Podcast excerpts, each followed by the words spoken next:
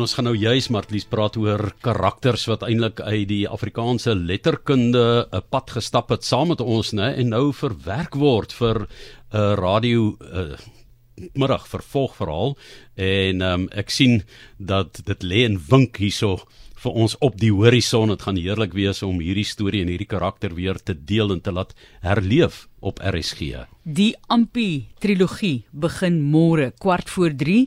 Dan kan jy daarvoor inskakel net hier op 360. Eben Kruiwagen het die verwerking van 'n boek gedoen tot die radio vervolgverhaal en die uitdagings van 'n periodestuk wat hy met ons vandag bespreek. Baie welkom aan jou Eben. Dankie Matlies, dit is lekker om met julle te kan praat so lyk like om jou te verwelkom. Ons mis jou mis jou gesig hier in die Kaapse kantoor so nou en dan, maar ewen waar begin jy wanneer jy so 'n groot projek betakel? Haal jy diep asem voor jy ja sê wanneer hulle jou vra want dit is 'n enorme taak wat jy dan op hande het. Man, weet jy, ek raak eers 'n klein bietjie mal en dan sal ek die perd op. um, dit is eintlik nogal 'n lang pad wat mense stap om eers te besluit op die keuse van die spesifieke boek want uh jy moet kyk na wat wat is bekroon, wat was gewild onder die leserspubliek. Ehm um, dan kyk jy na is dit 'n boeiende storie, is die intrige interessant.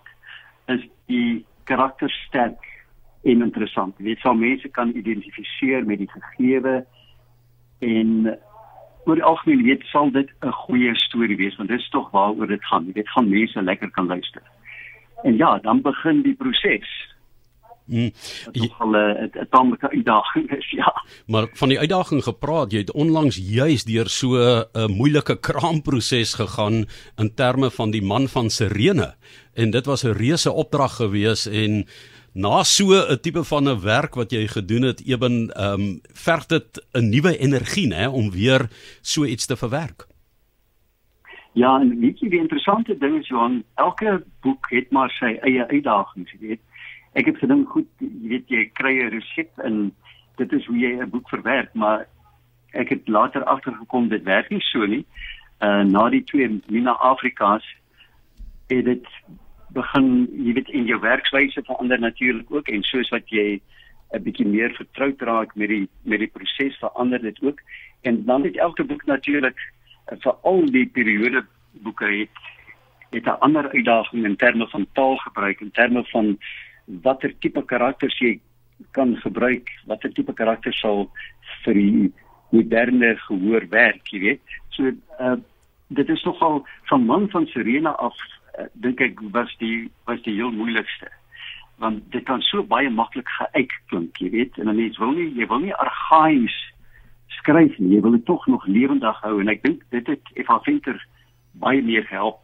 Die sy boek was was eintlik tydloos geskryf en al, alhoewel die taalgebruik miskien 'n bietjie vreemd was vir die vir die deursnee Afrikaanse oor, was dit nog steeds daarom in 'n tipe taal waarmee mense kon identifiseer. En dit het die wat die dialoog betref dit aansienlik vergemaklik.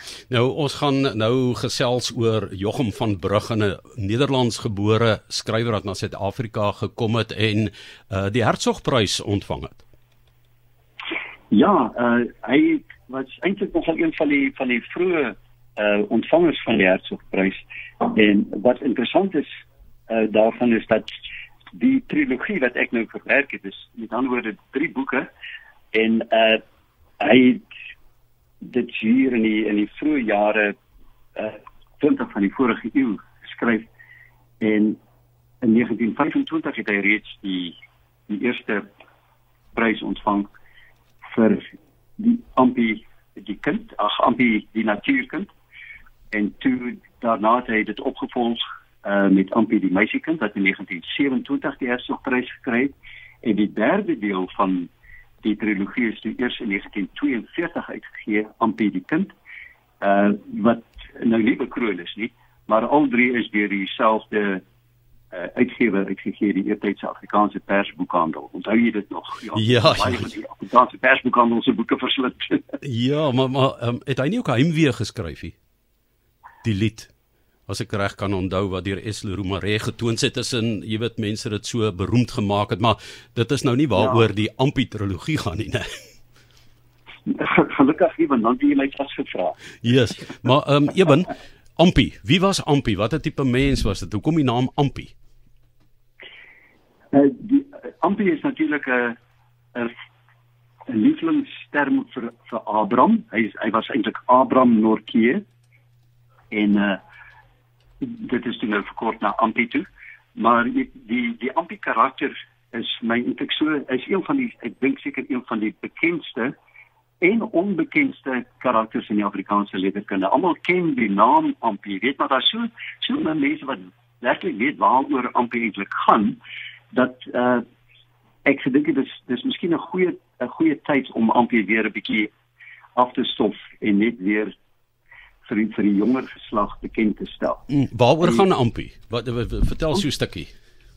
Weet Ampi is uh is die oudste van 'n hele string kinders en dit al die karakters in daardie tyd het het dit het minstens 6 of meer kinders gehad. Maar dit is natuurlik onmoontlik om so string oraltypies uh te kan weer op die radio so ons het hulle maar beperk tot die tot die hoof die hoofkarakters uit die uit die jong geslag. Nou as die oudste van van hierdie stringkinders uh, was Ampie se pa 'n bietjie van 'n van 'n woestaard. Hy was nie 'n baie aangename man nie en uh, daarom het hy die bynaam Goor Dawid gehad.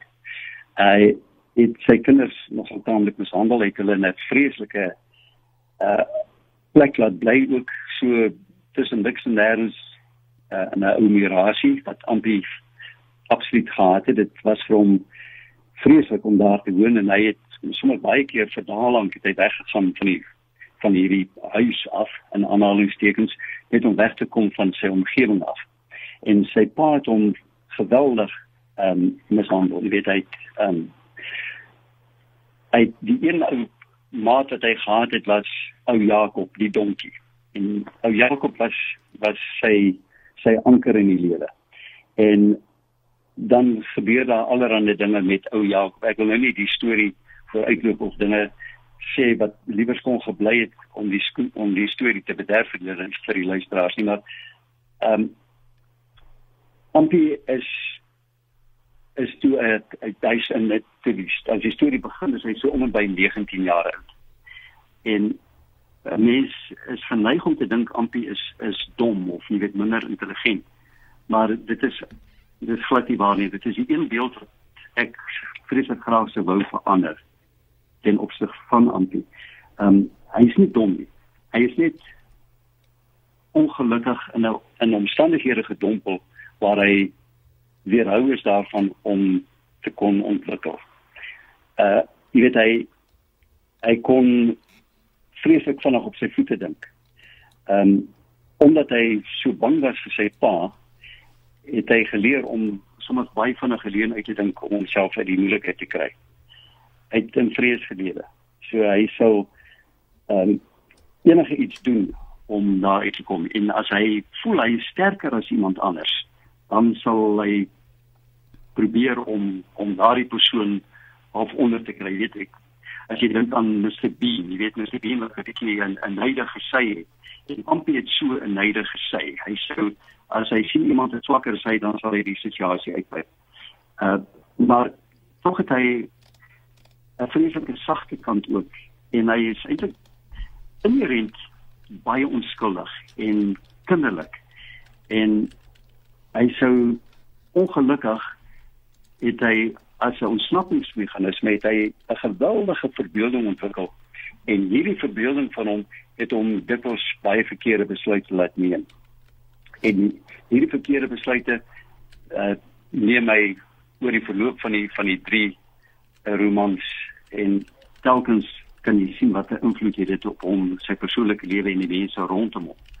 Maar ek dink dit is 'n karakter wat almal op die ou end sal kan deernis hê. Dit is dis 'n kind wat uit uit 'n swaar kry omgewing kom en tog uiteindelik dit reg kry om bo sy omstandighede uit te styg.